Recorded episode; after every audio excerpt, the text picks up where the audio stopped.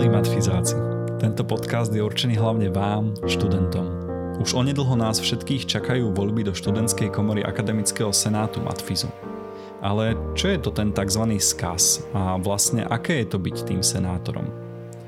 O tom, prečo by to vás mohlo zaujímať, sa dnes budem rozprávať so študentskými senátormi Patriciou Šmitovou, Františkom Zajícom a Adélou Jalovcovou. Vítajte. Ahoj. Ahoj. Ahoj. Moje meno je Andrej Farkáš a tiež som študentským senátorom, to dnes vás budem aj týmto podcastom sprevádzať. Odpuste nám trošku horšiu kvalitu zvuku, pretože opäť nahrávame cez Zoom. Patrícia, dovolím si začať tebou, ty si v Senáte z nás všetkých najdlhšie, takže ťa mnohí študenti už aj trochu poznajú. Ale stále sú tu možno takí, ktorí ťa ešte nikdy v živote nestretli. Ak si teraz na chvíľku odmyslím celú dištančnú výuku a pandémiu, v ktorej z budov Matfizu by som ťa mohol stretnúť? Tak momentálne by to možno bolo rozdelené medzi malou stranou a impactom v Troji, pretože študujem magisterské štúdium počítačovej lingvistiky, čo je obor, ktorý spadá pod informatiku, ale zároveň mnoho z jeho učiteľov sa momentálne presunulo do impactu. Preto by ste ma pravdepodobne našli niekde medzi tými dvomi. No a keď si sa pred tými pár rokmi rozhodovala kam pôjdeš študovať? Čo ťa nakoniec presvedčilo vybrať si práve náš matfis? Ja som pôvodne vôbec nechcela ostať ani na Slovensku, ani v Česku. Ale rozprávala som sa s jedným absolventom, ktorý si práve robil PhD na Oxforde a práve on bol ten, kto ma ukecal, aby som išla sem do Prahy, pretože si tu urobil bakalára a odtiaľ pokračoval na Oxford. Povedala som si, že ak tá škola dokáže vyprodukovať takto zaujímavých, uplatniteľných ľudí, tak to predsa nebude také zlé a mohla by som to skúsiť aj ja. No a Fanda, kde by sme napríklad stretli teba? Na akej si sekcii a čo teraz študuješ práve ty? E, tak já jsem fyzik, jsem stále na bakaláři, to znamená studuju obecnou fyziku, to znamená pendluju mezi Kahlovem a Trojou. V poslední době mě můžete se e, potkat asi častěji na Kahlově, kde teďka dělám bakalářku. A na čom presne robíš teraz bakalárku? Já dělám na katedře fyziky kondenzovaných látek a náplní mojí bakalářky je růst eh, fotonických monokrystalů. No a baví ťa to? Je to, prečo si sa rozhodol ísť na Matfis, že si chcel robiť práve vedu, alebo keď si sa rozhodoval, ešte si tak nějak váhal? Já když jsem šel na Matfis, tak eh, to bylo tak, že mě bavila fyzika jako celá a doufal jsem, že vlastně během bakaláře, tím, že ten obor je teda obecná fyzika, tak si teprve jakoby vyberu zaměření, který mě bude bavit a kterým se budu věnovat do budoucna. A mám pocit, že se mi to zrovna s tou mojí bakalářkou jako velmi dobře povedlo. No a Adela, kde teda môžeme stretnúť teba? Ty teda nie si úplne neznámym hostom v týchto podcastoch, pretože jeden som už s tebou robil, takže v podstate asi môžem rovno odpovedať, že ťa môžeme stretnúť na matematike, ale pre našich poslucháčov môžeš povedať, kde presne? Mě můžete potkat na všemi ostatními sekcemi proklínaném Karlíně, kde studuju matematiku, konkrétně pravděpodobnost, matematickou statistiku a ekonometrii, kde ja sa orientujú tedy spíš na tú pravdepodobnostní časť. Keď si sa rozhodovala, že prečo chceš ísť na Matfis, tak eh, prečo si si napríklad nevybrala niečo iné? Jak už jsem říkala v podcastu o matematice, jedním z impulzů byli pro mě moji rodiče, kteří mi poradili, že jiné obory, o kterých jsem uvažovala, třeba medicína, můžou studovat lidé, kteří umí se učit věci na spaměť, jsou empatičtí a tak dále, ale spočítat matematiku umí málo kdo a proto bych se měla věnovat zrovna tomu. No tak teraz si predstavím to, že teda každý z vás ste už začali študovať na matfize, nejak ste boli tým radovým študentom, mali ste predpokladám veľmi málo voľného času, ale kedy ste našli také svoje volanie, že by ste chceli ešte aj z toho mála voľného času niečo pre tú fakultu obetovať? Patricia, ty si v podstate z nás najvyťaženejšia ako predsednička z kasu. Toho času asi dávaš najviac. Tak kedy si sa rozhodla, že ti to za to stojí? Ono to prišlo už pomerne skoro, priamo v prvom ročníku. A teda ešte som vôbec nevedela, čo od toho čakať, ale vedela som, že, že sa nejakým spôsobom chcem zapojiť. A povedala som si, že už len tie voľby budú dobrá skúsenosť do budúcna o tom, ako sa prezentovať Vtedy som vôbec nečakala, že ma zvolia, ale predsa len sa to podarilo. Takže nakoniec v podstate takto z milého prekvapenia si začala pôsobiť v skase?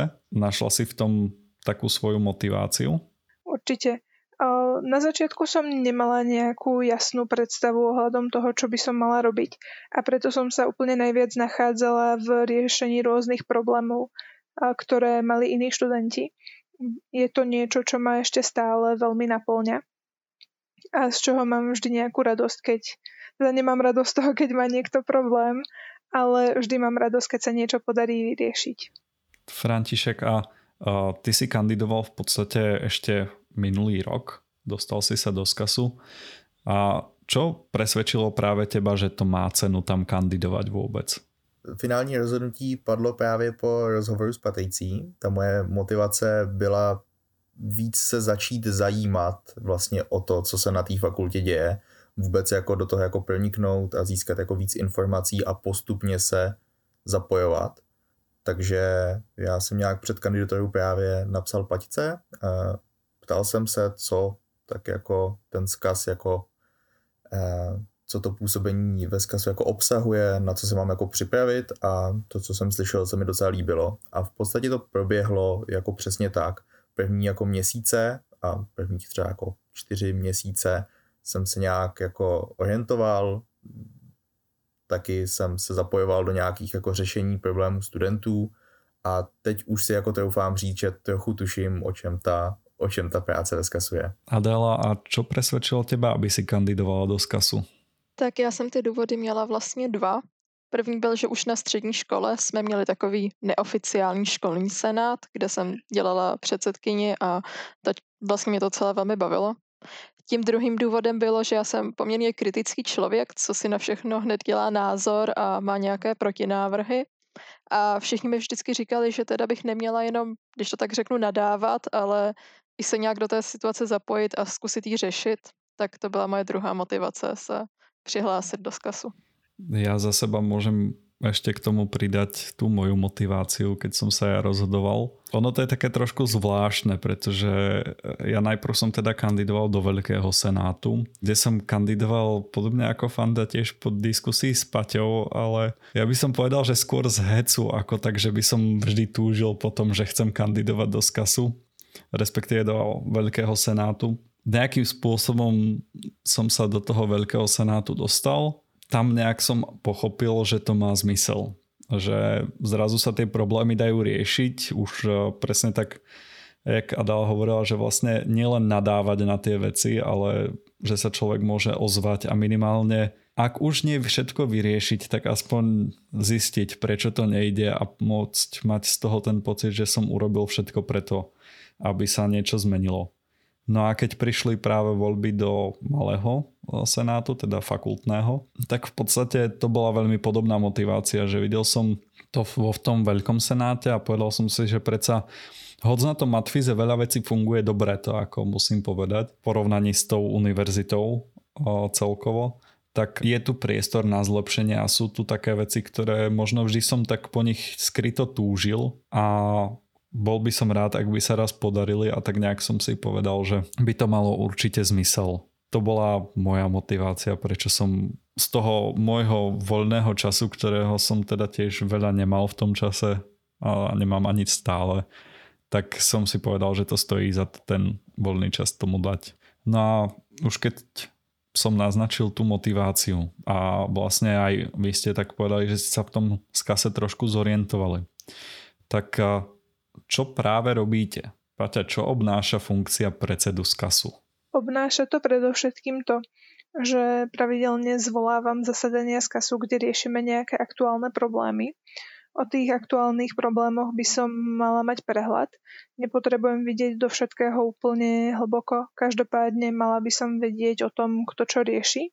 A tiež som takou akousi spojkou s vedením, čo znamená, že že vlastne pravidelne som zvaná na kolegia dekana, kde mám možnosť vyjadriť názory študentov ku rôznym obzvlášť ku študijnej problematike.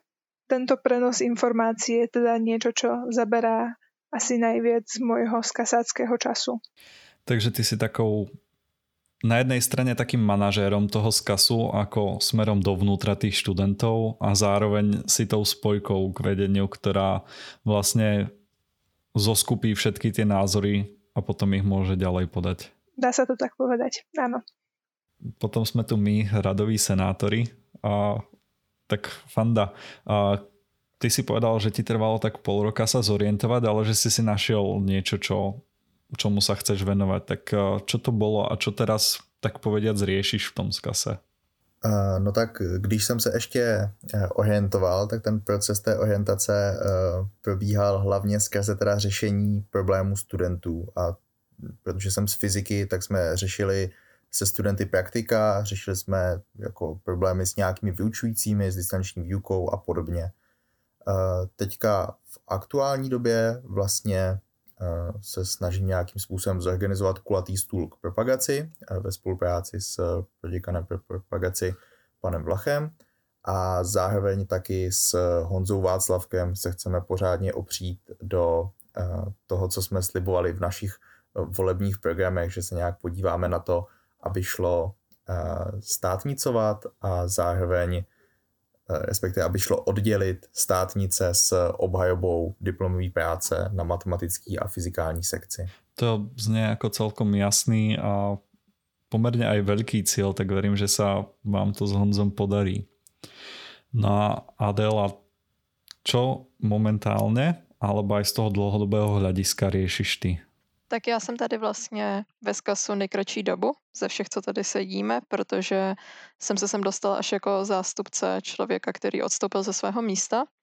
Takže teprve vlastně nedávno bych mohla říct, že jsem se nějak zorientovala v tom, jak skaz a celý senát funguje. Uh, nicméně bych mohla zmínit, že co ještě moji kolegové neřekli, že jsem třeba pomáhala vyhodnocovat dotazník, který jsme dělali mezi studenty o distanční výuce, takže není to jenom o tom, že bychom si pořád stěžovali, jak by to mohlo znít. Samozrejme to nie je len o tom sťažovaní, ale v podstate práve aj tie dotazníky sú myslím si, že preska s tým najpodstatnejším, pretože nám dávajú okrem toho osobného kontaktu so študentami aj veľmi dobrý prehľad o tom, čo sa na fakulte deje, aké majú ľudia problémy a kde treba nejako možno aj preventívne tie veci riešiť. Takže myslím si, že tvoja práca nie je vôbec nejako menšia ako to, čo robia ostatní nakoniec teda zostáva povedať, že čomu sa venujem ja, tak ja som taký hnidopich, pretože ja som si tak zobral z časti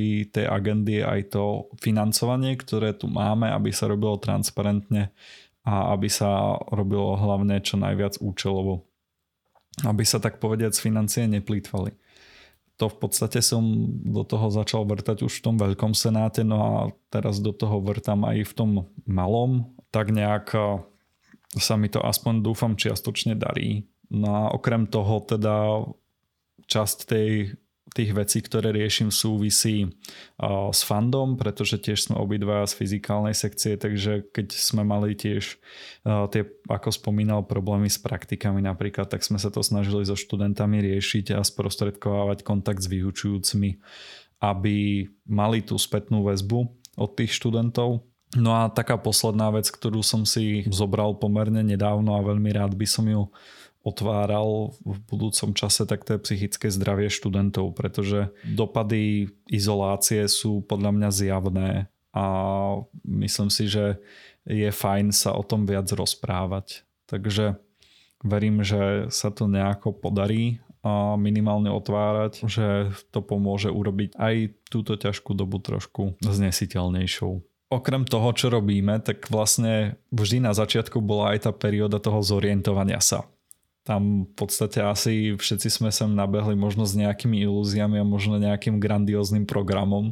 Nejako sme sa museli niekde s niečím zraziť. To, ako to u vás prebiehalo, tak ma teraz veľmi zaujímalo. Tak Paťa, ty si tak spomínala, že si vlastne poriadne netušila, čo je to ten skaz, tak možno si sa nezrazila až tak, ale asi niekedy to pretriezvenie prišlo. Spomínaš si na to? Nebolo nejaké prudké vytriezvenie a rozhodne som sa nejak nezrazila so stenou, no postupne som si začala uvedomovať, že Senát je predovšetkým kontrolný orgán a že účasť v ňom mi um, na jednu stranu dáva možnosť kontrolovať rôzne predpisy, schvalovať rozpočet a tak ďalej. No pri mojej práci mi pravdepodobne najviac pomáha to, že som istý volený zástupca študentov, čo už so sebou nesie nejakú vážnosť a preto sa mi nestáva, že, že by ma niekto odmietol vypočuť. Takže dá sa povedať, že najväčšia výhoda toho byť senátor je to, že vlastne môžeš svoje nápady a to, čo vnímaš ty dole od študentov formulovať vedeniu a nejako takto pomôcť navigovať náš matfis. Je to tak. Určite je o dosť jednoduchšie nejakým spôsobom posunúť svoje nápady na, na to správne miesto. Vedieť, na koho sa obrátiť, je určite veľmi dôležité, keď sa snažím niečo rozbehnúť. František, a ty si kandidoval s nejakým programom. Mal si v ňom niečo také, čo bolo možno nejaké väčšie sústo? Já jsem se snažil do toho programu napsat alespoň nějaký konkrétní věci, že jsem se zamyslel nad tím, co by bylo jako dobrý co by bylo dobrý změnit. A myslím si, že jsem tam napsal jako poměrně hodně malých věcí a pak teda jednu tu velkou. A to je teda, to jsou, to je vlastně rozdělení těch státnic a obhajoby na magistru na matematice a fyzice. Tak to je velké sousto a vlastně se na něj dostalo dostalo až teďka, skoro rok od toho, co jsem byl zvolený, to začínáme pořádně řešit, protože už mám právě pocit, že jsem se nějakým způsobem zorientoval, že tuším, jak to funguje natolik, abych jako byl schopen vůbec jako udělat jako nějaký kroky jako tím jako správným směrem, abych vůbec jako věděl, jaký kroky je potřeba udělat.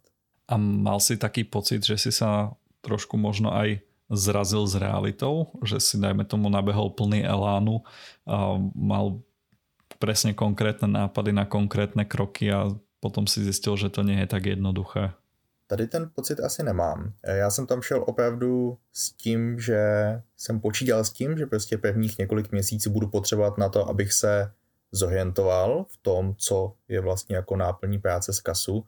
To, co mě asi překvapilo, bylo uh, zasedání vlastně akademického senátu. Pro mě vlastně první zasedání bylo překvapivý tím, že tam byla hrozná spousta jako vnitrofakultních informací, které mi vlastně na první poslech jako nedávaly smysl. Řešilo se jako spousta věcí ohledně financování, ohledně grantů, ohledně nějakých pokynů vedení vlastně uh, pro pracovníky, jako z jednotlivých sekcí třeba. A na poprvé bylo jako fakt těžký se v tom zorientovat. Uh, společně teda s tím, že ty zasedání nebývají úplně krátký teda. No a s tým trošku nadviažem na teba Adela. Mala si podobný pocit ako František, keď si sa začala toho Senátu zúčastňovať alebo začala možno presadzovať tú svoju agendu. Cítila si sa ako taká rybička, ktorú niekto práve vypustil do mora? Já musím říct, že tak bych to úplně nepopsala. Vlastně pro mě asi jediné zklamání a jediná vlastně stinná stránka toho, že jsem v Senátu, byla to, že tím, že se člověk začne zajímat, tak zjistí dobré, ale s tím i vlastně špatné věci, když to tak řeknu zjistí, že i když si tu školu třeba trošku idealizoval, tak je tady 99% dobrých lidí, ale tím, že se o to zajímá, tak si všimne i toho špatného jednoho procenta. Takže to pro mě asi bylo, řekněme, nejvíc nepříjemné, ale nic, přes co by se člověk nemohl přenést. No a rovno na to nadviažem a trošku vymením poradie, v ktorom tu rozprávame. Na jednej strane možno si práve uvidela aj tú stenú stránku, nejaké to 1% ľudí, ktorí možno ťa nepotešili, ale určite by si v tej práci nepokračovala, keby si si nenašla niečo, čo ťa ženie dopredu. Čo to bolo u teba? Čo ťa Adela teraz tak povediac poháňa v tom, aby si pokračovala aj napriek všetkému, čo môže byť nie úplne ideálne? Tak na tohle bych mohla odpovědět asi dvěma způsoby. Jedna věc je, že právě to navazuje na tu předchozí odpověď, že 99% lidí je těch, kteří s námi chtějí spolupracovat a je tady vůle slyšet naše názory a vlastně přizpůsobit tuhle školu studentům, udělat to lepší pro nás i pro pedagogy. Ten druhý důvod je to, že jsem šla do Senátu s nějakými nápady, Některé vlastně trochu v úvozovkách upadly v zapomnění s tím, že přišel covid, jako nějaké dohady kolem tělocviku a podobně, které teď prostě nejsou na prvním místě. Takže se vlastně v úvozovkách i těším, že dojde zase na jiná témata, až tahle perioda skončí. Tak verím, že sa ti ten telocvik podarí, pretože telocvik je ste, taká veľmi zaujímavá súčasť matfizu, ktorá veľa ľudí šokuje, keď im od neho rozprávam, čo všetko na tom matfize po nás na telocviku chcú. No a nakoniec možno spojím aj tú odpoveď ešte za seba. Keď som začínal ešte v tom veľkom senáte, tak také pretriezvenie prišlo už tam a tam som nejak pochopil, ako tá univerzita funguje. Že možno som prišiel z ja neviem vymyslieť v malom, takže ja som prišiel s veľkými nápadmi a s konkrétnymi krokmi a povedal som, že tak, tak, tak by bolo ideálne, aby sa to teraz stalo. A potom som si uvedomil, že naša, alebo tak nejak zistil cez tie reakcie ľudí, že aká tá univerzita je strašný moloch. A že všetko tu tak povediac trvá a veľmi, veľmi postupne treba veci robiť po malých krokoch Myslím si, že Paťa mi dosvedčí, že táto, tento entuziasmus ma ešte úplne neprešiel, že stále mám možno veľké nápady a mám možno ide, ako by to malo byť. A že sa často musím takto aj v malých veciach zraziť s realitou. Ale zase uvedomil som si to, že to má zmysel, pretože aj tie malé kroky je niečo, sú niečím, čo prospieva. A za jeden z takých krokov môžem povedať to, že sa nám vymenilo vedenie kolejí a mens po veľkom audite kolejí a mens, ktorý som pomohol iniciovať. Nebyť covidu, tak by sa tie zmeny prejavili už teraz, ale v podstate bude sa dosť výrazne meniť koncepcia fungovania kolejí a mens. Snáď, keď sa otvoria menzy, tak si budeme môcť všimnúť prvé zmeny aj v tých menzách, hlavne v kvalite a trošku aj cenách jedál, ale aj v tom celkovom fungovaní. Mohli ste si všimnúť už to, že teda máme konečne vlastné bagety, lebo prišlo mi úplne divné, že sme že koleje a menzy predávali cudzie bagety, keď môžu robiť vlastné. Tak ako, to sú také drobnosti. No a Paťa, nazad k tebe zase, čo ťa tak povediac poháňa teraz dopredu, že čo sa ti tak možno podarilo, čo je pre teba tým motorom? Momentálne som veľmi spokojná s tým, ako sa nám podaril program s prievodcov pre prvákov. Jedná sa vlastne o starších študentov, ktorí sa pravidelne stretávajú s prvákmi a snažia sa im nejakým spôsobom zodpovedať na ich otázky ohľadom toho, aké je to študovať matfis a pomáhať im prejsť touto ťažkou dobou. Je to niečo, v čom plánujeme pokračovať aj do budúcna, aj keď táto pandémia pominie pretože myslíme, že tieto kontakty budú pre prvákov veľmi cenné. Takže to je asi taký najnedávnejší úspech, ktorý som zažila. No a ďalej tak nejak na pravidelnej bázi vidím, že to má zmysel, keď, keď jednám s vedením, ktoré je naozaj naklonené tomu počúvať, čo, čo trápi študentov a čo, čo by študenti naopak ocenili. Takže spolupráca s nimi ma naozaj nabíja energiou a entuziasmom. Tu s tebou, Paťa, len môžem súhlasiť, pretože v podstate pomerne nedávno som si uvedomil aj na vlastnej koži, ako máme veľmi nadštandardné vedenie. Hlavne v zmysle toho kontextu z Veľkého senátu, že keď som ja ako študent poukázal na nejaké neúplne čisté finančné operácie, tak aj napriek tomu že mohlo sa, mohli sa tie veci, dajme tomu, skryť a zamiesť pod koberec, tak sa k tomu vedenie postavilo tak strašne e, transparentne a čisto, že všetko sa v podstate rozobralo na drobné a sa pán dekan sa teda snažil čo najviac veci pomenovať čo najkonkrétnejšie tak som si vtedy uvedomil, že aký vysoký nadštandard to je. Že na koľkých, nielen, že u iných univerzitách by sa to nestalo, ale že by sa to nestalo ani na mnohých fakultách, ktoré vlastne aj v rámci Karlovky mám. Nie každý je ochotný takto počúvať ten hlas tých študentov a to božne, keď ich nejakým spôsobom kritizujú. No František, ty si asi tiež hľadal svoju motiváciu a niečo, čo ťa posunulo posúva vpred, tak eh, kedy si si povedal, že robíš dobrú prácu? Já si myslím, že velice dobře fungovalo právě zprostředkování komunikace mezi uh, studenty a vyučujícími, zejména na fyzice, ať už se to týkalo právě uh, koncepce praktik v té distanční výuce nebo nějakých jako jiných uh, ojedinilých incidentů s distanční výukou. Tam mám pocit, že jak studenti si to pochvalovali, tak vlastně ve výsledku to bylo příjemné i pro ty vyučující. Když tady teďka e, se pěla chvála na vedení, tak mám pocit, že jsme tam právě e, poměrně intenzivně spolupracovali s proděkanem pro studijní záležitosti, panem Kulichem, a tam si taky nemůžu, e, nemůžu stěžovat. Přišlo, přišlo mi vždycky, že ten přístup byl velice ochotný. Ja v podstate asi len môžem k tomu doplniť, že jedna konkrétna vec, ktorú sme takto práve s nimi riešili, bola prednáška z termodynamiky a asi môžem povedať, že momentálne sa to posunulo tak, že vo výsledku z ankiet má za posledných 5 rokov poskočila o viac ako 1,5 stupňa. Zjavne to malo zmysel a bolo skvelé, že vlastne tí ľudia boli ochotní počúvať tú spätnú väzbu.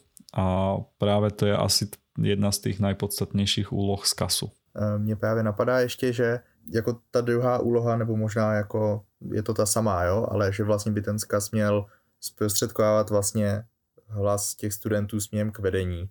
A mám pocit, že právě v poslední době uh, mám takovou tu zkušenost, že se na mě obrací právě buď jako moji spolužáci, než to byli kamarádi, pak to byli spolužáci, teďka to jsou často i lidi, kteří neznám, a přijde mi, že se jako všimli, že jsem jako v tom zkasu, přijde mi, že mi jako píšou s tím, že, že bych chtěl s něčím pomoct a to mi teda dělá, dělá vlastně jako hrdost. To je to, co mě jako nabíjí. Keď sme sa dostali k tým výhodám toho skasu a vlastne tak nejak bavíme sa tu o tom, že nás čakajú voľby, ale sme sa k tým voľbám ešte v podstate nedostali a tak ešte úplne na záver ako takú poslednú otázku. Prečo si myslíte, že má zmysel, aby nejaký študent matfizu kandidoval do skasu. Predsa len my matfizáci veľmi netrpíme veľkom, veľkým množstvom voľného času. Povedali sme si vlastne veľa pozitívnych vecí, ale keby ste to mali zaklincovať, čo si myslíte, že by malo byť tým, čo ich presvedčí? Pre mňa je to do veľkej miery aj o tej komunikácii jednak s vedením, druhak aj so zamestnaneckou časťou akademického senátu. Jednoducho vidíte ľudí, ktorí vás učili a vidíte ich v úplne inom svetle. Je, je to niečo zaujímavé. Druhák uvidíte mnoho takých skrytých procesov na fakulte, ktoré aspoň teda mne prišli naozaj zaujímavé. Ďalej je podľa mňa pôsobenie v Senáte dosť dobrou skúsenosťou do života a tým myslím teda aj pôsobenie v tom fakultnom senáte, kde je to, dá sa povedať, taký level easy a aj v univerzitnom senáte, kde už je to predsa len trošku ťažšie, pretože sa potrebuje navzájom dohodnúť 17 fakult, ktoré majú úplne iné zámery a ciele. Takže ak teda chcete niečo urobiť pre, pre svoj rozvoj a pre svoju budúcnosť, tak aj toto je cesta. Adela, čo myslíš ty? Prečo by niekto mal kandidovat? Já se v tomhle hodně shodnu s Páťou. V tom, že vlastně tím, že se přihlásíte do Senátu, nepomůžete jenom ostatním, ale přinese to i něco vám, přinese vám to vlastně jako náhled dovnitř do té školy, dozvíte se informace dřív, dozvíte se informace, které by vás třeba jinak i minuly a získáte zkušenosti, které taky jsou docela k nezaplacení. František, chcel by si možno něco ještě doplnit? Mně přijde, když se nad tím zamyslím možná jakoby trochu sobecky nebo jakoby z mého pohledu, tak mi přijde, že země opadl ostych, když mám něco řešit s vedením fakulty.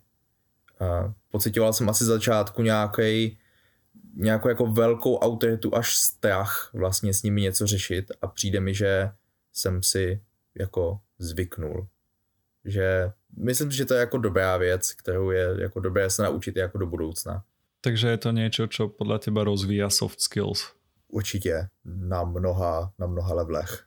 Ešte tak ako Pata povedala, že je to dobré do života, tak ono je to dobré aj do životopisu. Pretože keď sa budete raz hlásiť napríklad na doktorát alebo hoď aj na ne, do nejakú pracovnú pozíciu, tak práve v podstate to, čo povedal František, že to rozvíja tie soft skills, tak to je niečo, čo keď si tam dáte, že ste pôsobili v Senáte, či už fakultnom alebo univerzitnom, tak je niečo, čo vám vie pomôcť, lebo ukazuje to, že sa nebojíte robiť niečo navyše, čo vás môže stať možno trochu energie, možno to nie je až tak jednoduché, ale hlavne čo zahrania veľké množstvo komunikácie s ľuďmi. Takže podľa mňa okrem toho, že fakt môžete na tej fakulte niečo zmeniť, aj keď s veľkou pravdepodobnosťou nie pre seba samých, ale pre tých študentov, ktorí prídu po vás, tak aj to, že si to môžete dať do toho životopisu, môže byť niečo, prečo sa oplatí kandidovať. Vôbec si nemyslím, že je potreba na tú kandidatúru mať nejaký košatý program, veľké nápady, pretože myslím si, že sme to niekoľkokrát povedali, že nie je to o tom kandidovať s veľkými nápadmi, pretože častokrát sa stretneme s tým, že tie veci sú o mnoho komplexnejšie, ako sa zdajú a preto tie veľké nápady nejdú možno riešiť tak rýchlo alebo presne tak, ako by sme chceli. Ale na druhú stranu vybrať si nejaký jeden problém, ktorý trápi mňa, ktorý trápi mojich spolužiakov a povedať si, že na toto sa chcem pozrieť trošku viac, tak to je presne to, čo ten Senát umožňuje. Budete môcť spoznať tých ľudí, ktorí vlastne vám s tým môžu pomôcť a nakoniec si možno raz uvedomíte, že ste ten problém vyriešili. Hoc nie pre vás, ale pre tých vašich spolužiakov alebo tých ďalších, ktorí prídu po vás.